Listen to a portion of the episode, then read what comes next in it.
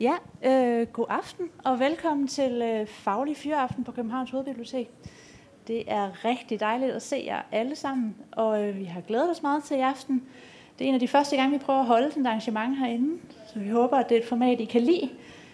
Øhm, det her er, som nogle af jer måske ved, en del af Københavns Bibliotekers Børnelitteraturfestival, Vi Elsker Bøger som vi er cirka midtvejs med nu, men der er stadig en hel masse gode ting i vente, så øh, snup eventuelt et program, hvis I ikke har set det endnu. Øhm, og øh, ja, så er der lige en, en lille praktisk information, inden Lisbeth hun går på, og det er, at øh, hendes foredrag i aften bliver optaget som podcast. Og øh, Lisbeth, hun vil, øh, når hun har delt sit øh, oplæg med os, øh, meget gerne have spørgsmål fra salen. Men for at de så også kan komme med på det her podcast, så øh, går der en mikrofon rundt, som vi vil bede jer om lige at vente på og tale ind i. Men øh, det er Lisbeth, der har ordene, kloge og gode og spændende. Så øh, værsgo til dig, Lisbeth. Tusind tak. Og der er tændt for mig. Tak. Nu er jeg i tvivl, om jeg vil herop og stå på den lille scene, eller jeg vil i øjenhøjde. Men jeg tror, jeg vælger øjenhøjde. Og øh, jeg vil også sige velkommen til jer alle sammen på denne forårs eftermiddag. Jeg synes, der er forår i luften. Jeg hedder Lisbeth Vestergaard, og jeg er kendt med i moderne kultur og kulturformidling. Og jeg har arbejdet med børn og biblioteker og læselyst i omkring øh, 15 år. På et tidspunkt arbejdede jeg også her på Københavns Hovedbibliotek. Jeg har været i forskellige kommuner, jeg har været i staten, og nu er jeg ved noget, der hedder Tænketanken Fremtidens Biblioteker – og så er jeg også øh, freelancer. Og hvem er I så? Nu har vi jo ikke tid til den store navnerunde, men vi laver en lille håndsoprækning ting, fordi det er nu rart at vide, hvem man er i selskab med. Har vi nogen lærere her i dag? Ja, selvfølgelig på første række. Det er rigtig godt at se. Har vi nogle pædagoger? Læsevejledere? Det ved jeg også godt kan være lærer. Øh, medarbejdere på et pædagogisk læringscenter? Ja, har vi også nogle. Har vi nogle øh, folkebibliotekarer? Nogle fine hænder, ja. Og har vi så noget blandet noget? Nogen, der er noget andet? Ja, og nogle af dem kender jeg faktisk. De er gode nok. Bare rolig. Jeg skal jo tale om børns læselyst. Et umådeligt øh, spændende emne, og det synes I jo også, ellers sad ikke her i dag. Og øh, jeg ved, at hvis man skal huske noget, så har man brug for en knage at hænge det op på, og det må gerne være en meget konkret knage. Det må endda gerne være et menneske. Så derfor vil jeg præsentere jer her på første slide for Erika. Kig godt på hende. Hun er 10 år gammel. Hun er min niece. Så er hun en øh, rigtig læsehest. Hun er på Harry Potter fjerde ombæring. Og hun er også rigtig glad for Instagram, og hun er meget forelsket i sin mobiltelefon, hun burde nok slet ikke være på Instagram, for hun er jo kun 10 år. Men her ser I et billede, hun har taget af sig selv til Instagram, hvor hun har klædt sig lidt ud. Og hun rummer altså begge dele. Den gode, gamle bogkultur, og det at være en rigtig læsehest, og så det at være dybt forgabt i sin mobiltelefon og Instagram og alt det visuelle. Det er børn som Erika, vi har med at gøre. Og jeg tror, mange af jer vil have jeres egen Erika eller Vilfred derhjemme. Og jeg kan love jer, at øh, der bliver fyldt rigtig meget på jer i dag. Når I går hjem herfra, så ligner I den her fisk med udspilede kinder. Det kan jeg næsten godt love jer. Og øh, vi fortsætter altså inden alt det her med de faglige budskaber med en historie. For Erika her, hun ligger på det her billede på en seng og læser. Og drengen ved siden af, det er min søn. Han hedder Aske. Han er lige præcis den dag fyldt 6 år. Og nu skal I forestille jer, at i stuen inde ved siden af, der står der rester af lavkage, og de voksne sidder og drikker noget mere kaffe, for vi har fejret Askes fødselsdag. Og nu er ligesom det der ritual omkring øh, lavkagen og fødselsdagssang overstået, og børnene begynder at blive lidt restløse, og gaverne er pakket op. Og hvad gør man så? Erika, hun er stor nok til at vide, at man ikke bare går hen og tænder for fjernsynet. Og hun lige den dag, der tager hun altså heller ikke sin telefon frem. Det kunne godt være, at hun havde lyst til at låne min iPad, men det kan hun ikke, for fødselaren på 6 år, han sidder med den. Og hvad er det så, hun gør? Hvad er det, hun griber til? Det her bogen kommer ind i billedet. Og det er fordi, det er et af hovedbudskaberne i den undersøgelse, jeg skal fortælle om. det er, at når alle andre muligheder er udtømte, så er det, at børn læser i deres fritid.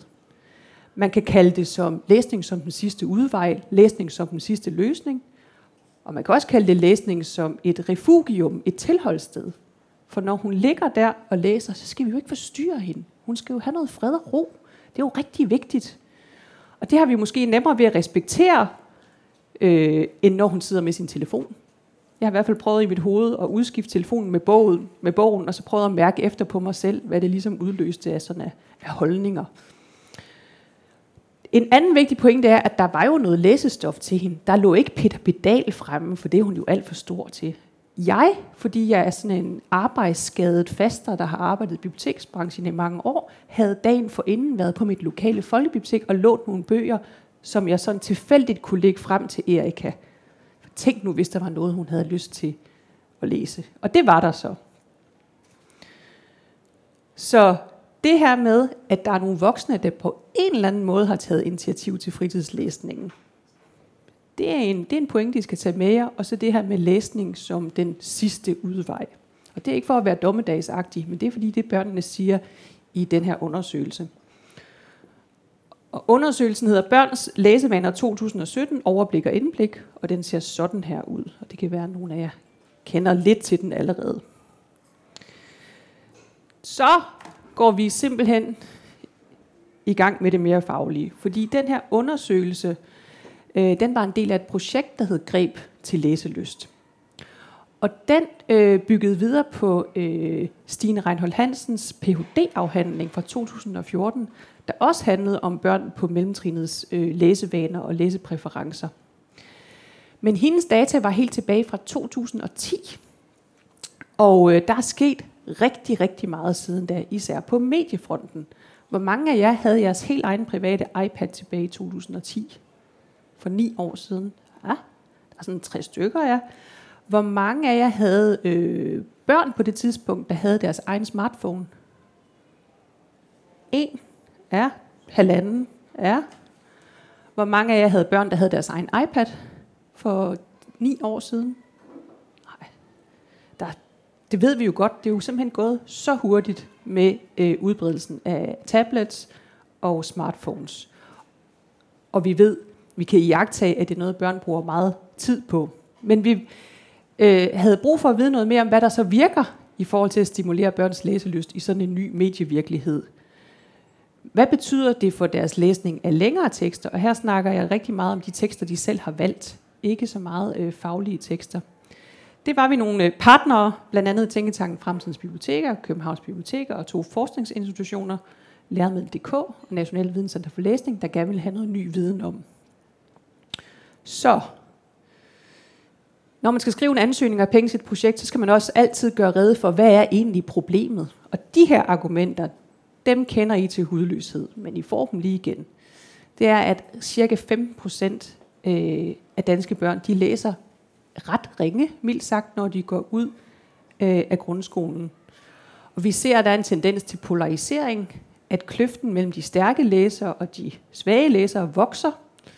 Og det er sjældent, at polarisering det er en, en god bevægelse i et samfund. Og så er det det her med fritidslæsning og PISA. Man kan altid gribe til PISA. PISA, jeg ved godt, det er en meget omdiskuteret undersøgelse, men et af hovedresultaterne, øh, hvert fald set fra sådan et læseløst perspektiv, det er, at de børn, der læser cirka en halv time hver dag for sjov derhjemme, de er bare meget dygtigere til at læse end deres klassekammerater. Et helt klassetrin bedre i snit end deres klassekammerater. Det er jo træning, når man læser i fritiden, og når man læser for sjov, så er det rigtig god træning. Men det var altså baggrunden for det her projekt. Og den første del af undersøgelsen, det var den store kvantitative undersøgelse, og den kom tilbage i september 2017. Og nu stod verden ikke længere. For det, de skrev i aviserne, for vi fik nemlig ret meget presseomtale, det var, at nu er pigerne også holdt op med at læse. Og der er en, der sidder og nikker lidt nu, og kan huske at have hørt om det. Og det plejer jo at være drengene, der er problemet. Hvad skal vi gøre med alle de drenge, der hader at læse? Men nu vil pigerne heller ikke læse længere. Hvis man lige går et, øh, et niveau længere ned i den historie, så er det, at danske børn læser mindre i fritiden, og især pigerne bruger mere tid på sociale medier og mindre tid på bøger end for syv år siden. Det er meget vigtigt at sige, at pigerne de læser altså stadigvæk mere end drengene i deres fritid. Og når jeg siger læser mere, så er det længere tekster, bøger. Man kan jo godt sige, at aldrig nogensinde har børn læst så meget, som de gør i dag. De læser på alle mulige forskellige devices, og de skriver også rigtig meget. Så det der med at sige, at de læser mindre, ja, man kan sige, at det er særlige typer af tekster. Øh, og jeg, jeg kalder det simpelthen bare bøger. Det er altså både fag- og skønlitteratur. Men det var altså den her historie, den her med pigerne, der læser mindre, den, det var det, vi solgte undersøgelsen på. Når man gerne vil have noget opmærksomhed fra pressen, så kan det ikke hjælpe, når man har 27 nuancerede budskaber. Der er plads til ét. Og det var det her, vi løb afsted med. Og det var åbenbart noget, som rigtig mange synes var spændende. Øh, og gerne vil øh, bringe nyheden om. Og jeg tror, det er fordi, at det taler rigtig dybt ind i noget øh, altså forældre, moderne forældreskab. Det, man gerne vil gøre det godt. Der er mange forældre, der er meget optaget af det her. Og så hele skoleverdenen selvfølgelig også, hvor læsning er øh, super højt på dagsordenen. Men selve undersøgelsen øh, består af den her kvantitative undersøgelse, som jeg siger lidt om først, og så en kvalitativ. Og den kvantitative, den rummer svar fra øh, i nærheden af 9.000 øh, danske skoleelever, fordelt på 110 forskellige skoler. Og børnene de er mellem 3. og 7. klassetrin, og på den måde er det jo sådan en meget mangfoldig gruppe. Der er nogen, der lige har lært at læse, og så er der nogen, der har lært at læse og er nærmest holdt op igen. Og det er den største af sin art øh, i Danmark, den her undersøgelse. 8.721 børn helt præcist. Jeg tror, de ville fylde ret meget, hvis vi puttede dem herind på hovedbiblioteket øh, i Krystalgade i København. De fik 18 spørgsmål, de skulle svare på, og dem skulle de svare på elektronisk og i skoletiden. Og der kan man allerede sige, at det, at de skulle svare på noget, der handlede om deres fritidslæsning i skoletiden, hvem kan vide, hvad, hvad det betyder for deres svar. Det kan vi ikke vide helt præcist, men hvis vi praktisk muligt skulle have alle de her svar, var det nødt til at være i samarbejde med skolerne og foregå i skoletiden. Og bagefter er der mange, øh, der har sagt til mig, hvorfor spurgte I ikke også om det og det og det og det? Og det vil vi også gerne, men 18 spørgsmål, det er allerede meget, når man går i 3. klasse. Og spørgsmålene, det er nogle af de samme som dem, som Stine Reinhold stillede tilbage i 2010, og så er der kommet nogle nye til. Så er der den kvalitative undersøgelse, hvor det kun er 26 elever, øh, der har været i spil. Og dem er der blevet snakket med. Og vi har valgt 6. klasses elever, fordi det er lige præcis mellem 5. og 6. klasse, at læselysten falder markant. Det er der, at nogle andre ting begynder at optage børnenes øh, opmærksomhed. Og her var det både nogle interviews og fokusgruppeinterviews. Og hvert interview startede med, at forskerne lagde forskellige ting ud på et bord, øh, som børnene så skulle øh, vælge. De fik stillet spørgsmålet, hvis du kommer hjem fredag eftermiddag, og du skal hygge dig, hvad vælger du så at lave? Du må vælge én ting. Og der lå forskellige ting på et bord. Selvfølgelig også øh, en tablet, en avis, et blad. Sikkert også en tegneserie, en bog og nogle andre ting. Og hvor mange valgte en bog, den lille konkurrencen her. Hvor mange tror, at der var nogen, der havde bogen som først som, som valg? Ja, I kan næsten mærke, hvor, hvad det bærer i retning af. Det var 0. Og det er jo, øh, der er også nogen, der har sagt helt ærligt, hvis, du var, hvis det var dig, og du kom hjem fredag eftermiddag og skulle hygge dig, ville du så også vælge en bog? Og hvad så med mandag eftermiddag? Tja. Men det var i hvert fald en, en måde at, at få, hvad skal man sige, aktiveret nogen, noget andet hos børnene, end, end det man kun får i en dialog. De her øh, kvalitative undersøgelser, de satte rigtig meget fokus på tre ting, nemlig læsning og bogen som medie, de digitale medier, og så biblioteket på, på skolen og folkebiblioteket. Og i den her undersøgelse, der er der en masse citater fra børnene. Og de er tankevækkende og underholdende og øh, meget fine, synes jeg. Og jeg kommer til at inddrage nogle af dem undervejs. I stedet for at give jer mange grafer, eller tabeller, så får I fem hovedpointer. Og den første er, det har jeg allerede afsløret, børn læser mindre i deres fritid, parentes, bøger, længere tekster, fra at det var 61 procent minimum en gang om ugen til 56 procent minimum en gang om ugen. Og det er jo et gennemsnit af alle de her børn, drenge og piger, 3., 4., 5., 6., 7. klasse. Det er et gennemsnit, det skal vi huske. Er det så et stort fald, eller et lille fald? Det kommer an på øjnene, der ser. En af forskerne sagde i et radiointerview, at han var da egentlig øh, overrasket over, at faldet ikke var større. Det er i hvert fald det er til at tage at føle på, kan man sige. Og man kan jo, man kan jo tænke, Nå, hvis vi laver undersøgelsen igen om syv år, hvordan ser det mon så ud? Det kunne være rigtig spændende. Så er der den pointe, at børn generelt forbinder læsning med skolen. Det er nok ikke særlig overraskende, men det, er, det, kommer, det viser sig på alle mulige andre måder øh, i undersøgelsen. Læsning, det er skolen. Så er der bogen. Nu står vi på et folkebibliotek med en rigtig dejlig samling af, øh, af børnebøger. Men når man øh, snakker med børn om bøger, så tænker de umiddelbart på noget med læring og nytte. Det er det, bøger er gode til, primært for dem. Så er der deres fritidslæsning og deres brug af folkebiblioteket, og der er det helt tydeligt. Jo ældre de bliver, jo mindre bruger de folkebiblioteket, og jo mindre læser de i deres fritid. Så er der mødrene. De har en helt særlig rolle for børns øh, læsemønstre og deres bibliotekskultur. Det kunne vi især se i den kvalitative undersøgelse.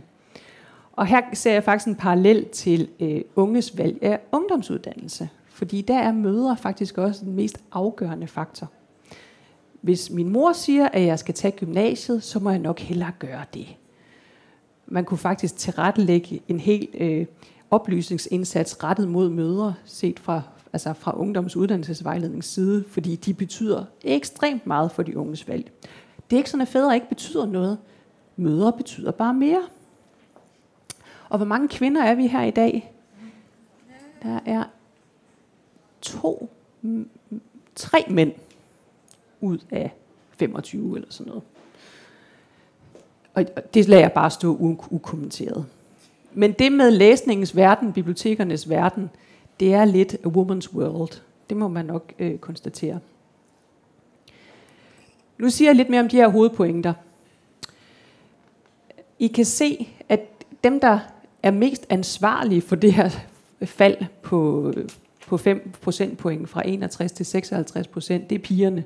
Fordi hvor at det tilbage i 2010 var 68 procent af dem, over to tredjedel, der læste for sjov, minimum en gang om ugen i deres fritid, så er det nu faldet til 59 procent. Og jeg står her er lige nogle enkelte grafer, I kan kigge lidt på.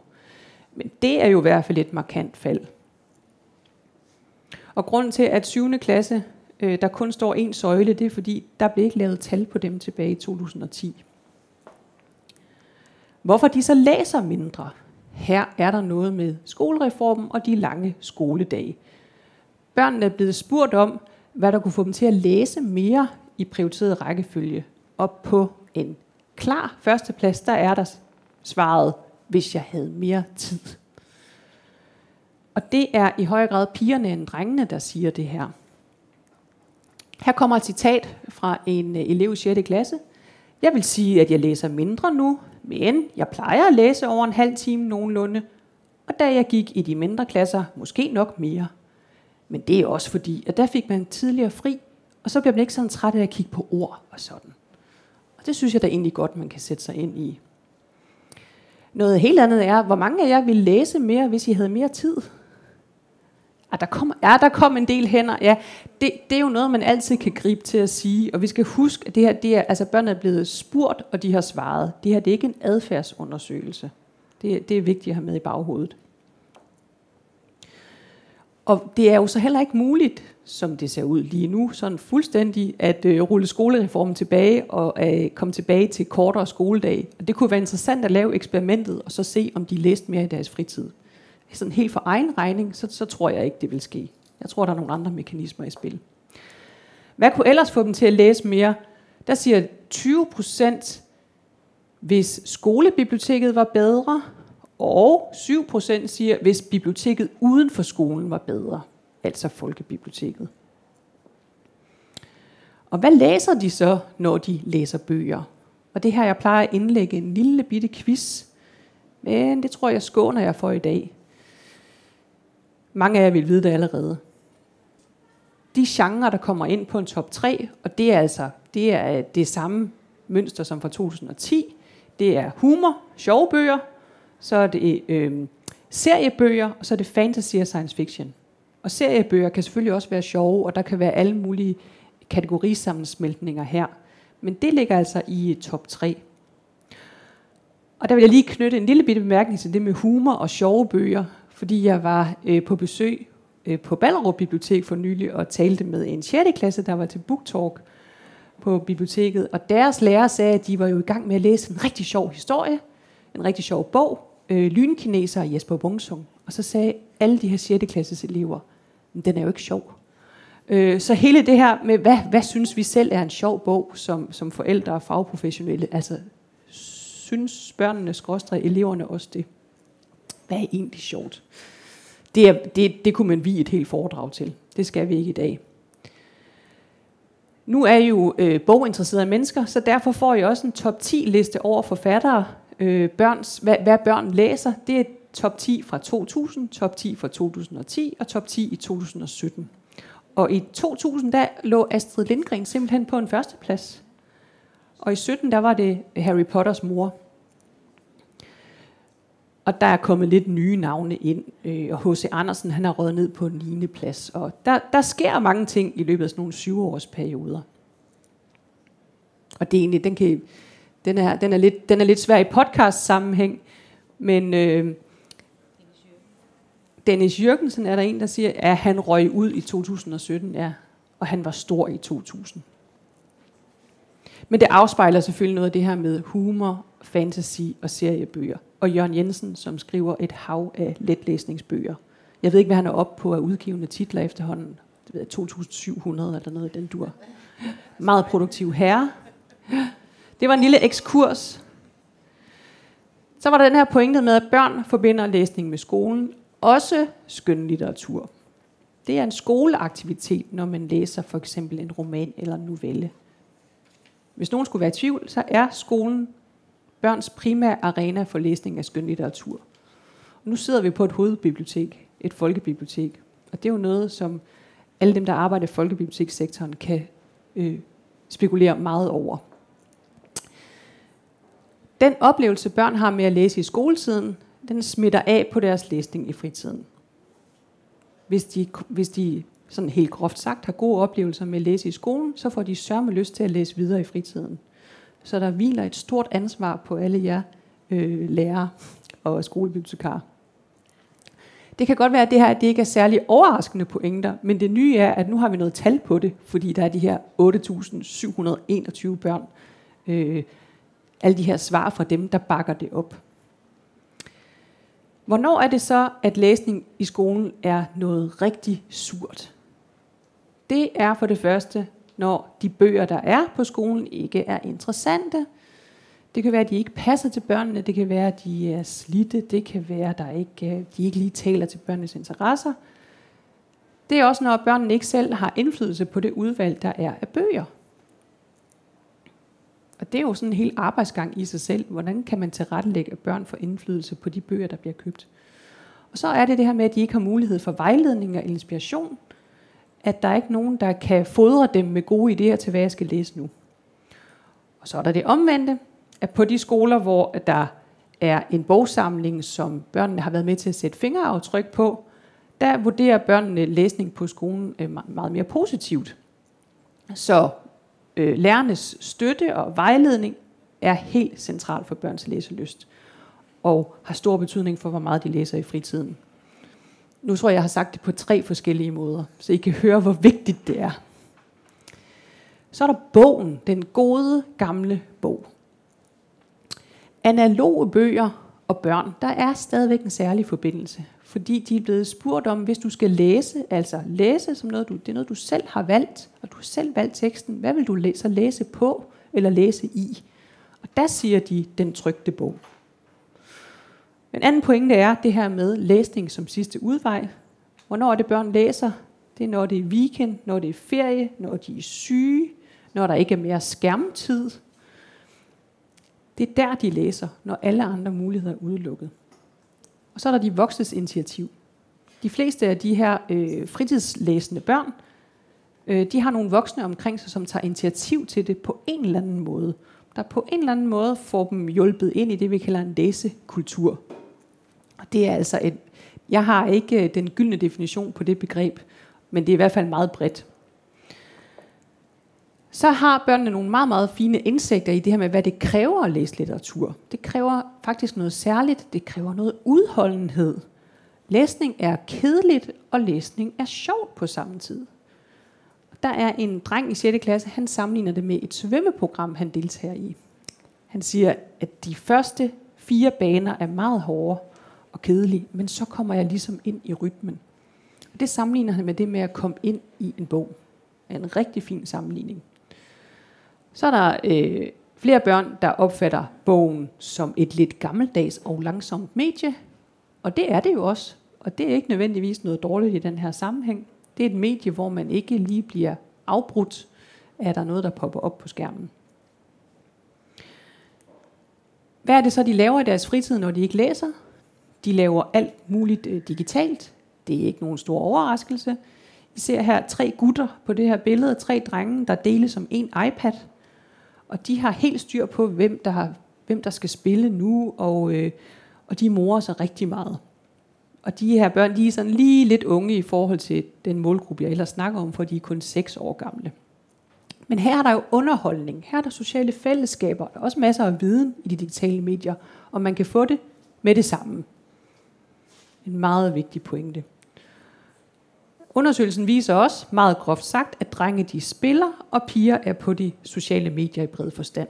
Og her var der et klogt menneske, der sagde til mig, jeg har desværre glemt, hvem det var, at det at spille sammen, computerspil i alle mulige afskygninger, det er jo også nærmest en, et socialt medie i sig selv, fordi man kommunikerer så meget. Så kan vi se, at voksne har rigtig travlt med at skærme børn fra skærmen. Det er noget med æggeur. Du får 20 minutter, og så skal du et eller andet bagefter. Eller nu har du opbrugt din spilletid for i dag, eller den her uge. Alle mulige spændende mekanismer, regulering omkring det her med skærmtid, dog ikke fra tv. Øh, og der kan man se, at det her med, at vi har mange skærme i vores øh, hverdagskultur, altså at vi ser noget i fjernsynet, samtidig med, at vi er på vores iPad, og nogle andre er på deres telefon, at det er et, øh, et meget udbredt mønster. En tese er også, at mange forældre i dag, de er vokset op med, med rigtig meget fjernsyn. Det er, det er ikke så farligt, det fjernsyn. Det ved vi, hvad er. Der behøver man ikke at sætte begrænsninger på. Men det er bare en tese. Læsning, det kan faktisk godt være noget, man gør sammen i familien.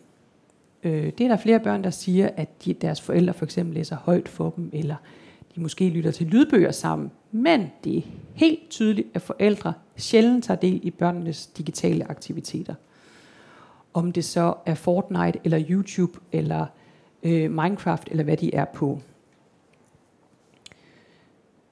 Og det er jo selvfølgelig tankevækkende det her med, at, at børnenes liv på, skærmen, på skærmene, det er så meget deres, deres eget.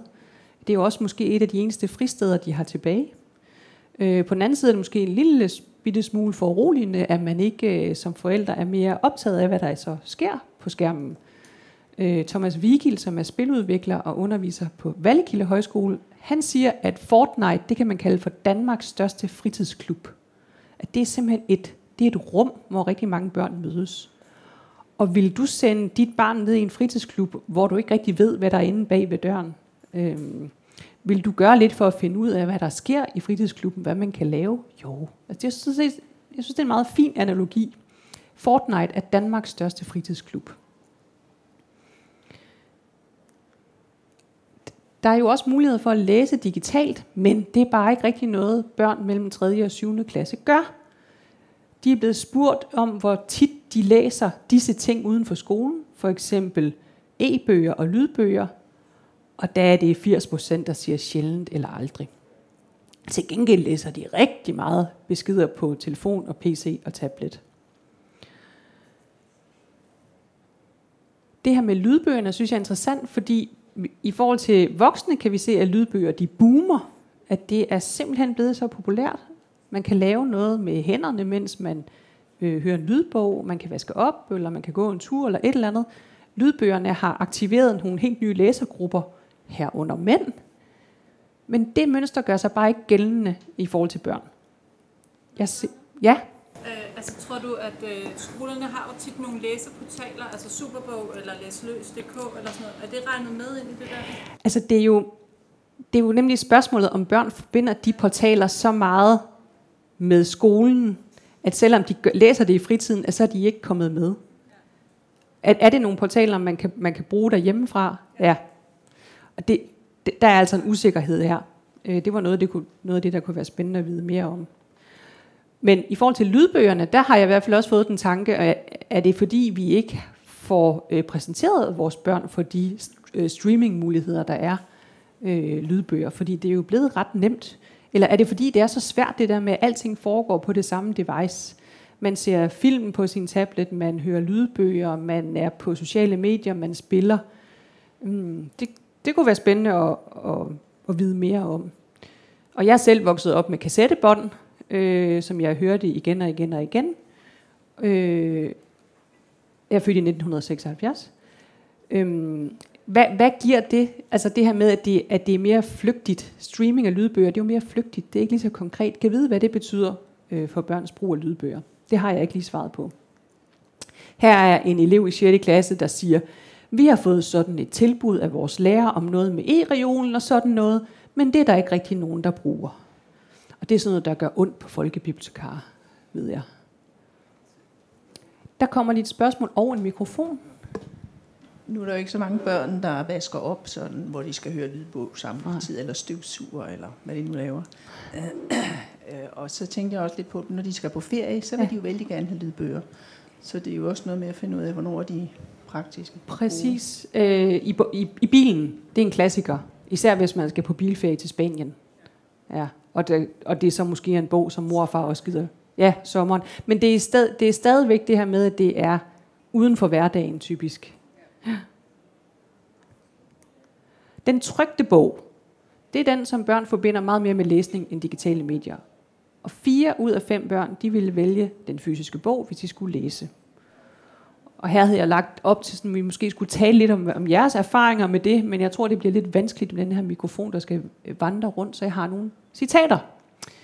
Der er et barn, der siger, en 6. klasses elev igen, også fordi, hvis man har det på en tablet, så kommer man til at fokusere på andre ting. For eksempel, hvis man får en notifikation fra YouTube af ens yndlings-YouTuber, som lige har lagt en ny video op. Og der har jeg lært, at det er mega cool, hvis man er den, der kommer med det første like. Yes. Der er en, der sådan, øh, her på første række, der nikker. Så altså, det skal man jo ikke gå glip af, den mulighed. Et andet barn siger, jeg vil vælge bogen, fordi hvis jeg tager min mobil og læser på den, så tror min mor, at jeg spiller. Så her er altså et barn, der er klar over, at man sagtens skal læse på sin mobil. Men hun gider ikke at tage kampen med sin mor. Og det kan godt gøre mig lidt, øh, jeg vil ikke sige harm, men jeg tænker, at der gemmer sig mange spændende ting i det der citat, fordi der er i hvert fald noget med, at øh, mor og barn her ikke rigtig får talt sammen. Så er der læring og nytte, for børn forbinder bogen med læring og nytte. Her er børnene blevet spurgt om, hvad, øh, hvad vil de vælge, hvis de skal vide eller lære noget? Og der siger 59 procent, jeg læser en bog. Og 93 procent af dem, vi skal huske, det er børn helt ned i 3. klasse, de er bevidste om, at de opøver deres læsefærdigheder ved at læse. Man skal træne for at blive god. Og 89 procent ser læsning som en vigtig komponent i deres fremtidige virke. De er selvfølgelig ikke blevet spurgt på den måde. De er blevet spurgt på en anden måde. Men hold da op. PISA-budskaberne øh, og uddannelsespolitikere har ikke levet forgæves. Hold da op, de her børn, de er klar over, at læsning det er alfa og omega. Det er lige før, det er helt skræmmende. Det var igen for egen regning. Så er der folkebiblioteket. Jo ældre de bliver, jo mindre bruger de folkebiblioteket. Og sådan helt generelt, så opfatter børn på mellemtrinet ikke folkebiblioteket som et sted, der appellerer til dem. Det var et sted, der var hyggeligt at komme, da de var små. Et dejligt sted at komme og lege og finde bøger sammen med sin far og mor, mest mor. Men når de bliver de der 9, 10, 11, 12, 13 år, så er det ikke rigtig noget for dem længere. Bortset fra, hvis de kommer der med deres klasse, så kan det være cool nok. De børn, der så kommer jævnligt på biblioteket, de kommer, surprise, for at læse. Og de kan også godt lide biblioteket, fordi der er ro. Så man kan sige, selvom folkebiblioteker gør meget for at gøre op med det her image med, at, at på folkebiblioteket skal man, skal man være stille, så er det altså stadigvæk vigtigt at holde fast i den her værdi med roen. Det er der faktisk nogen, der værdsætter. Og der kommer også lige et spørgsmål og en mikrofon. Det er dejligt. Det, der undrer mig, det er, øh, at vi har jo masser af gamere på biblioteket også. Har man kun spurgt til læsning? Fordi det er mellemgruppebørn, der sidder og Ja. Det, det er rigtig meget med læsevinklen på, ja. ja. Fordi der er jo mange børn, der også godt kan lide at bruge øh, biblioteket som et sted, man hænger ud. Så det er i sådan en læsekontekst, man har spurgt dem. Og det kan der selvfølgelig være alle mulige øh, problematiske ting ved. Øhm. Men god pointe, at de kommer for at gøre noget andet på biblioteket, og gøre det sammen. Så der er de her tre hurtige pointer om børns brug af folkebiblioteket. Der er helt klart en sammenhæng mellem, om børn synes, at læsning er cool, og om de synes, at folkebiblioteket er noget for dem. De fleste børn har en positiv indstilling til de mennesker, der arbejder på biblioteket, men øh, cirka halvdelen af dem taler aldrig med dem, og halvdelen, halvdelen af dem ser dem aldrig. Det er altså, der kan godt være et sammenfald mellem de her to halvdele. Og her kunne vi også øh, snakke rigtig meget om øh, selvbetjent, øh, selvbetjente biblioteker og bibliotekslukninger osv. Men altså, jeg synes, vi skal holde fast i, at øh, de fleste børn har en positiv indstilling til de mennesker, der arbejder på biblioteket, fordi det er noget, der faktisk peger positivt fremad. Hvad har så betydning for, at børn bruger folkebiblioteket? Det er skolen. Hvis skolen tager initiativ til at besøge biblioteket og vice versa, så er det noget, der batter. Og her har jeg indsat et billede fra Vandløs Bibliotek, hvor der var smart parat svar konkurrence. Øh, jeg tror, det er tilbage fra december 2016, og der tror jeg, der var 8 6. klasser på biblioteket den dag. Det er en festdag på biblioteket. Det er altså noget, der batter. Så så snart skolen, en lærer, nogen på skolen tager initiativ til at besøge folkebiblioteket, så er det noget, der kan være med til at rykke børns opfattelse af biblioteket. Det er sjovt at komme der med sine venner. Så er der afstanden til biblioteket. Det er klart, hvis man bor langt ude på landet i Vestjylland, og bussen kun går to gange i døgnet, og folkebiblioteket ligger 45 km væk, så kommer man der bare ikke særlig meget. Så har vi mor igen. Hvis mødre tager initiativ til en tur på biblioteket, så vil de lidt større børn faktisk også gerne med. Og når jeg siger de lidt større, så er det dem i 6. og 7. klasse. Mor. Vi skal altså snakke mere om mor. Fordi børnene er blevet spurgt om, hvor de finder inspiration til, hvad de skal læse i fritiden. Og på en første og en anden plads er der hos mine venner og fra film, jeg har set. Men jeg slår ned på mor, fordi i de kvalitative interviews, der er det der, at børn har mest at sige. Øh, de har ikke så meget at sige om, hvordan de præcis bliver inspireret af deres venner, eller det med film. Men deres mødre har de rigtig meget at sige om. Men det er helt evident, at film er med til at drive læsning. Hele Harry Potter-universet, Ternet Ninja, der starter som en bog, en film, og som så får flere til at læse igen, det er en meget øh, magtfuld faktor. Og der kan man glæde sig over i Danmark, at, at der er så mange øh, solide danske børnelitterære klassikere, der bliver filmatiseret og får nyt liv. Øh, bliver moder- det er nok et forkert ord at sige moderniseret. Øhm, men det er i hvert fald med til også at stimulere noget læselyst. Mor, her kommer en, en anden inspirationskilde. 23 procent siger, at de finder inspiration hos bibliotekaren på deres skole, og nede på 13 procent, der er det 13 procent finder inspiration til deres læsning hos folkebibliotekaren. Så kommer et af de gyldne citater, fordi her kommer far. Her er der en, et barn i 6. klasse, der siger, min far læser ikke så meget. Han læser mest nyheder og sådan noget, men han læser ikke så meget bøger bøger. Han kommer ikke hen og siger, den her vil jeg gerne læse. Han tænker bare. Så sidder han og kigger lidt på telefonen og lidt rundt omkring, og så læser han lidt der og der og der. Han har også læst det, han skal i sit liv. Ja, det er, øh, det er jo kun, vi skal huske, det er kun ét barn, der har sagt det her, men det er blevet sagt. Og jeg tror måske, der er et eller andet øh, i det. Sådan er det i hvert fald hjemme øh, hos os, kan jeg afsløre. Men hver gang jeg snakker om det her med mor og far, så rejser der, jeg vil ikke sige, der rejser sig en storm, men mange siger, nu skal vi altså ikke glemme øh, fædrene og det kæmpe potentiale der. Og det skal vi selvfølgelig ikke. Men man kunne også godt tilrettelægge en kæmpe, kæmpe stor læselystindsats, bare rettet mod mødre. Nu når vi frem til nogle anbefalinger, for hvad skal man så gøre ved al den her viden? Hvad, hvad skal vi gribe og gøre i? Og der har Tænketanken Fremtidens Biblioteker lavet nogle anbefalinger. Og de er ganske brede.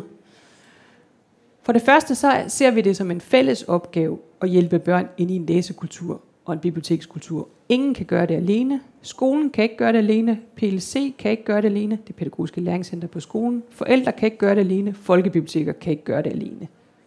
Vi er nødt til at gøre det sammen. Så er der en anbefaling, der hedder, voksne må ikke slippe børnene for tidligt.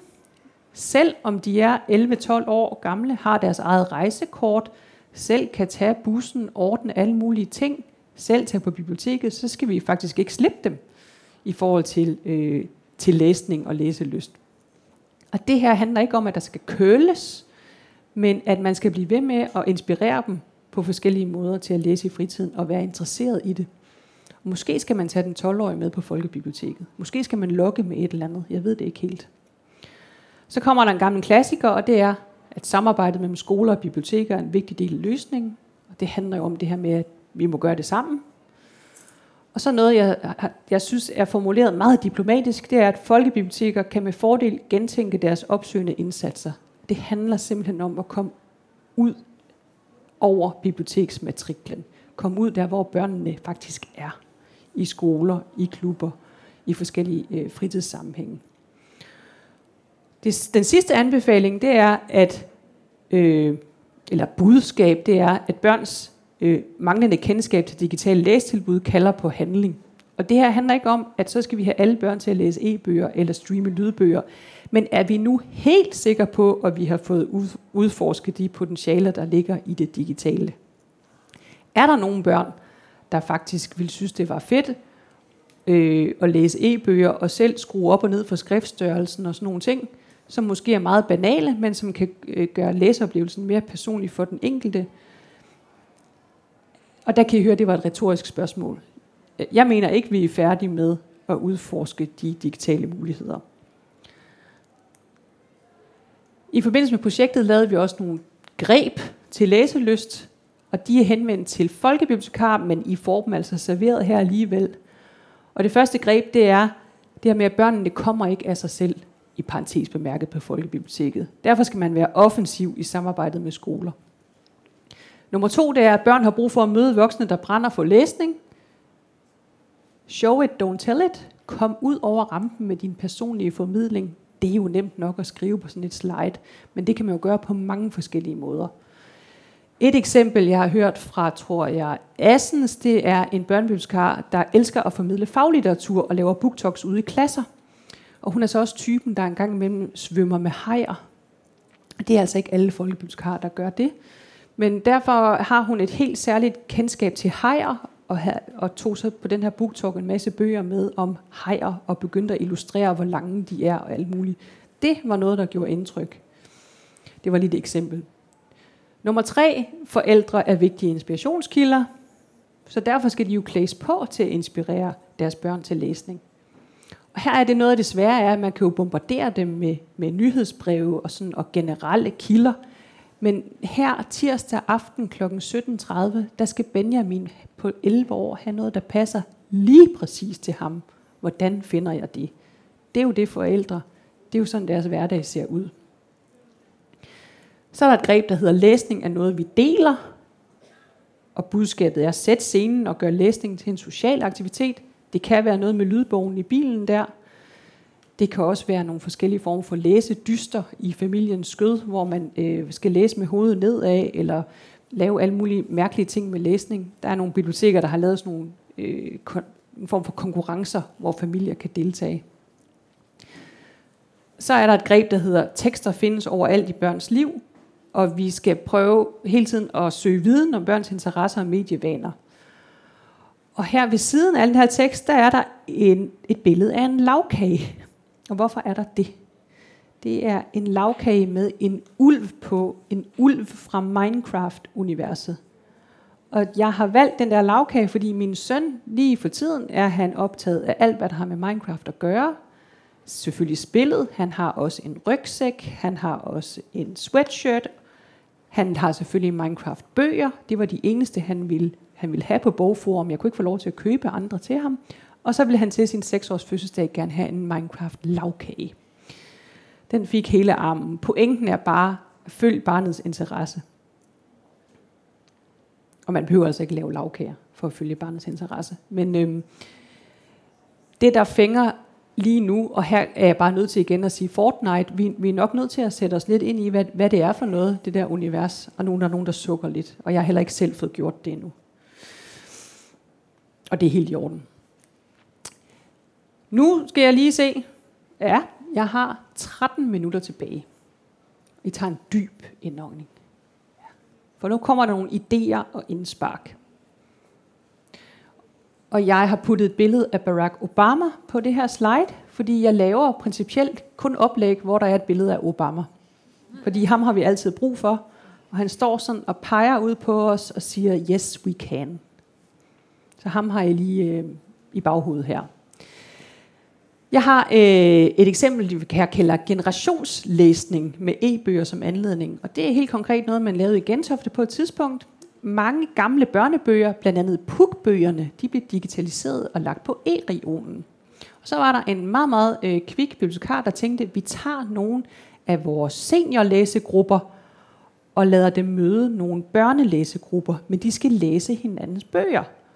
Så børnene de gav Percy Jackson og tidstyven til seniorlæsegruppen, og seniorlæsegruppen gav PUK-bøgerne til børnelæsegruppen. Og så skulle de mødes og udveksle læseerfaringer. Og det kom der meget interessant ud af. Øh, og det hele kunne lade sig gøre, fordi altså, der findes nok nogle pukbøger i trygt form stadigvæk på folkebibliotekerne, men øh, nok ikke mange. Men nu er de altså på e-regionen. Så det var jo en anden måde øh, at drive noget læselyst på, fordi nogle af de her børn, de synes faktisk, det var meget hyggeligt med det der puk. Og nogle af de ældre, de sagde, ej, nu, nu skal jeg også. Percy Jackson, jamen det, jamen selvfølgelig skal jeg også læse sådan noget. Ikke kun øh, ny nordisk skønlitteratur. Så har jeg skrevet noget, der hedder, øh, det er noget, jeg ved ikke om det findes, men sammenlæsning, det her med læsning er noget, vi gør sammen. Altså prøve at gøre det til en eller anden form for fællesaktivitet. Bliv ved med at læse højt for børn, selvom de selv har lært at læse. Øh, prøve at ritualisere det måske.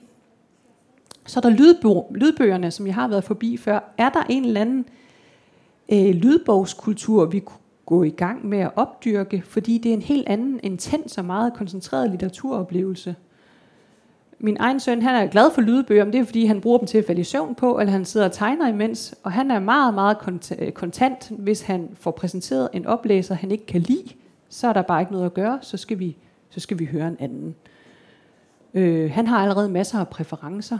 Øh, vil man kunne arbejde med, hvordan man kunne vælge stemmer, for eksempel? Så er der samspillet mellem de fysiske bøger, og så har jeg bare kaldt det de nye formater. Fordi når jeg står her og taler, så kan det godt det kan måske komme til at lyde som om, vi skal bare, vi skal jo bare tilbage til alt det dejlige med Erika, der ligger der på sengen og læser i en gammeldags bog, og så er alting godt. Men det er faktisk ikke det, der er mit hovedbudskab. Det er mere, hvordan vi får tænkt den læsning sammen med alle mulige andre indfaldsvinkler til læsning. Øh, og alt det andet, som børnene øh, er meget optaget i deres liv. Og det her, det vil jeg sige, det er knap, det er, det er mere en refleksion, end det er et indspark eller en idé. Jeg synes, det er det her, der er udfordringen. Og det her med at, at få kombineret nogle af de, de klassiske, nu kalder det dyder, eller alt det dejlige ved at være fordybet i en bog, og så alle de nye muligheder, der er. Så har jeg et eksempel, der hedder speed dating med bøger. Det kan være på skolen eller på biblioteket og det var en børnebibliotekar i Midtjylland, der fortalte mig om, hvordan hun inviterede en klasse ind, og så havde hun, tror jeg, 150 bøger, hun spredte ud på et bord, forsiden opad, og så havde hun lavet sådan et koncept, hvor man fik 10 sekunder til at vælge en bog, og så skulle man bruge 20 sekunder på at bladre i den, hvis ikke man lige synes, den var spændende, hen og lægge den og tage en ny. Det der med meget hurtigt, i en meget struktureret form, præsentere børn for en forfærdelig masse bøger. Og forsider er jo ekstremt vigtige. Og det er sådan et koncept, man øh, tror jeg nemt vil kunne overføre øh, til mange andre steder. Så er der det her med at få booktalks ud i de enkelte klasser, lave store læseevents på skolen, hvis man har mulighed for det. Jeg ved godt, det er noget, der kræver prioritering af ressourcer, litteraturfestivaler måske, måske koblet til læsebånd. Så har jeg skrevet læsefællesskaber i SFO eller klubber, og her er det jo lidt spændende det her med hele fritidsfeltet og læsning, når nu børn forbinder læsning med skole så meget. Men kunne det være noget omkring rollespil og læsning, eller i Brønderslev for eksempel, der har Brønderslev Kommune har de et projekt med læseheste i Jallerup, hvor det er nogle, øh, nogle hestepiger, som de øh, er gået i kødet på i forhold til også at stimulere deres læselyst. Det der med at kombinere øh, børns interesser øh, i klubsammenhæng med læsning. Så har jeg skrevet børn, der inspirerer børn, fordi det er bare øh, rigtig vigtigt. Øhm, og hvordan man præcis griber det an, det har jeg ikke en gyldne løsning på. Men det her med at børn, der indkøber bøger helt konkret, det kan man jo for eksempel gøre, hvis man bor i Københavnsområdet på bogforum, altså tage en gruppe børn med herud. Der er sikkert også andre måder at organisere det på. Og så har jeg puttet øh, McDonald's, et billede af McDonald's Happy Meal Readers koncept på det her slide. Og det er fordi, for tiden er det sådan, at hvis man køber et Happy Meal på McDonald's, så kan man vælge at få en bog, i stedet for at få et stykke legetøj. Og indtil videre, så er det 20% af de her Happy Meals, der øh, det, er, det er i 20% af tilfældene, at børnene går hjem med en bog. Det er nok deres forældre, der har valgt det. Men det er jo en helt, helt anden måde at tænke læsning ind i børns liv. Og det er hende, der har skrevet Sådan tæmmer du din drage, der har simpelthen skrevet en helt ny serie til McDonald's. Præcis hvordan man skal samarbejde med McDonald's, det ved jeg ikke, men jeg synes bare, at det er sindssygt interessant, at der er nogle andre, der øh, også der, der tager den her, hvad skal man sige, læselyst udfordring på sig, og måske også rammer nogle, nogle, nogle målgrupper, som, hvad skal man sige, ikke er dybt inde i en læsekultur. Så er der forældre, der er et ærligt hjerte, har lyst til at være rollemodeller. Igen, show it, don't tell it. Og jeg har puttet et billede af kronprins Frederik og kronprinsesse Mary på. De hæpper, tror jeg, på de danske håndboldkvinder eller et eller andet. De, har, de, har, de er jo sportsmennesker rigtig meget, Mary og Frederik. Mary er også protektor for læseleje. Men de er simpelthen bare nogle gode rollemodeller. Og det er jo svært at tvinge voksne til at have læselyst. Men altså, hvis ikke man selv synes, det er vigtigt og dejligt, hvorfor skulle ens børn så egentlig synes det? Så man kan jo begynde med æggeuret derhjemme. Eller, øh, hvad hedder det, timeglasset. Sige, jeg ville altså læse 20 minutter hver dag. Eller 10 minutter. Fordi nogle gange så finder man ud af, ej, nu er jeg faktisk kommet ind i læsevanen igen. Den, og den har jeg savnet. Skrivning og læsning, det med børns egen skrivelyst, kan føre til læselyst. Der er også noget, vi kan udforske. Så er der fanfiction. Der er nemlig nogen, der har spurgt mig, er børnene her i deres, øh, i deres svar, altså er de blevet præsenteret for muligheden fanfiction, det at, at læse videredækning øh, af, af historier på nettet, og det foregår tit på engelsk, og det er de ikke blevet spurgt specifikt om. Men det er også typisk børn, der er lidt ældre, teenager opad, men det her med at selv digte videre på et univers, som man er super fascineret af, og man har lyst til at læse andre fans historier. Der kunne også være et potentiale. Og så øh, har jeg skrevet læsning sat ind i nye sammenhænge, bæredygtig eller klimavenlig læsning. Nu havde vi rigtig mange øh, børn og unge på ude og demonstrere her, var det i fredags, fordi øh, de synes, at nu må vi altså virkelig få gjort noget ved verdens klimatilstand. Og bæredygtig læsning, det er jo også at lade være med at tage flyet til Italien på ferie, men blive hjemme og læse om det i stedet for. Og det kommer til at lyde helt uhyggeligt, øh, politisk korrekt og alt muligt. Men min pointe er bare, at nogle af de dagsordner, som mange børn synes er øh, måske skræmmende, eller det er noget, der fylder meget hos dem, altså kan vi også tænke læsning ind i det på en eller anden måde. Der begynder også at komme flere og flere bøger, der handler om klimaudfordringer. Men det med den bæredygtige læsning, det tror jeg, det kan, gå, det kan bestemt gå på tværs øh, af generationer. Jeg har angivet nogle kilder af litteratur her, og så startede vi med Erika på 10 år. Og her er et billede af mig, 10 år gammel i 1986, og jeg ligger og læser en Paddington-bog og er rigtig, rigtig glad. Så den gode læseoplevelse er nu 1986 og 2018, der er nok noget, der stadigvæk er det samme på en eller anden måde. Og nu er der lige tid til et par spørgsmål, meget hurtigt. Vi har tre minutter. Ja, jeg arbejder på øh, et PLC, og øh, jeg tror, jeg har læst noget, nogle af de konklusioner der, og det der egentlig slog mig, det var det der med de sociale fællesskaber. Øh, og det, det gjorde, at jeg spurgte børnene på min skole, hvad der skulle gøre, eller hvad, de kunne, hvad man kunne gøre for at dele de gode bøger, de havde.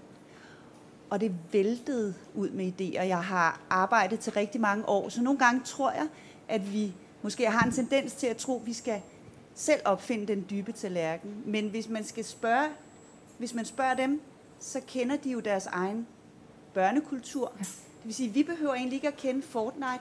Nej. De kender bare de mekanismer, der gør, at de gider at spille Fortnite. Og på min skole, der er de i fuld sving med at, at udvikle læselysten hos hinanden. Så det, det kan jeg i hvert fald anbefale som en måde, altså simpelthen spørge børnene selv. Ja. Og at bygge den bro til deres fritidskultur, kan man godt sige. Så, øhm, det er så jo, du skal bare komme ud til mig, så skal du Det se, vil jeg meget har. gerne, og det er sådan et, sådan et dejligt budskab. Øhm, og var det både var det piger og drenge, og var det mellemtrin, og var det... Jo, jeg har to, to andre pointer. Det er, at øh, det hjælper også at skrive nogle bøger, som de gider at læse. Altså, for eksempel er der kommet rigtig mange sjove bøger til drengene nu, og det gør, at der kommer en opblomstring for dem i at læse, fordi der er mange altså, tegninger, men de læser en bog, og de får en succesoplevelse. Og øh, så er en sidste ting. Jo, det er det at give tid. Og, og der kan man sige, ja, vi skal måske tænke på, at den tid skal ind i skolen, hvor man bare læser en bog.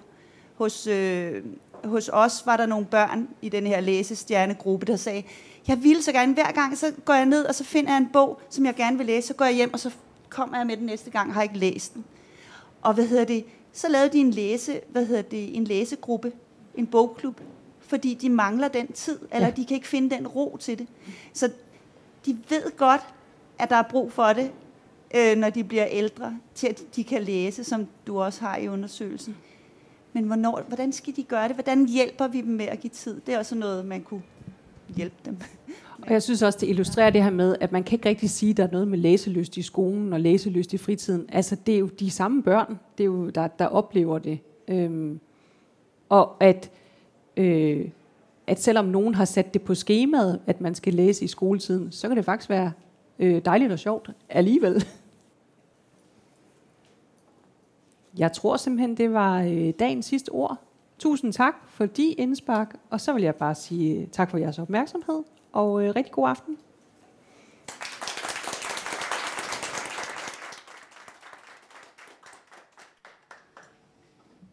Ja, jeg vil også lige sige øh, tak for i aften, og øh, tak for opmærksomheden. Øhm, jeg ved ikke, om Lisbeth bliver hængende en lille sekund. Jo, der er stadig lidt hvidvin. Øh, så bliv gerne lige hængende og få snakket af de sidste 10 minutter. Og øh, nu sagde Lisbeth lidt om et godt greb til at få børnene til at læse. Det kan fx være de her læseudfordringer. Og dem af jer, der har fået fat i det trygte program, øh, I vil opdage, at der er faktisk en læseudfordring trygt i det. Og dem af jer, der ikke har, vil jeg opfordre til at tage fat i en, øh, fordi det er faktisk rigtig god inspiration og rigtig sjovt at lege med, skulle jeg hilse at sige, fra min bonus 9-årige. Så øh, bare en opfordring herfra, og tak for i aften en gang til.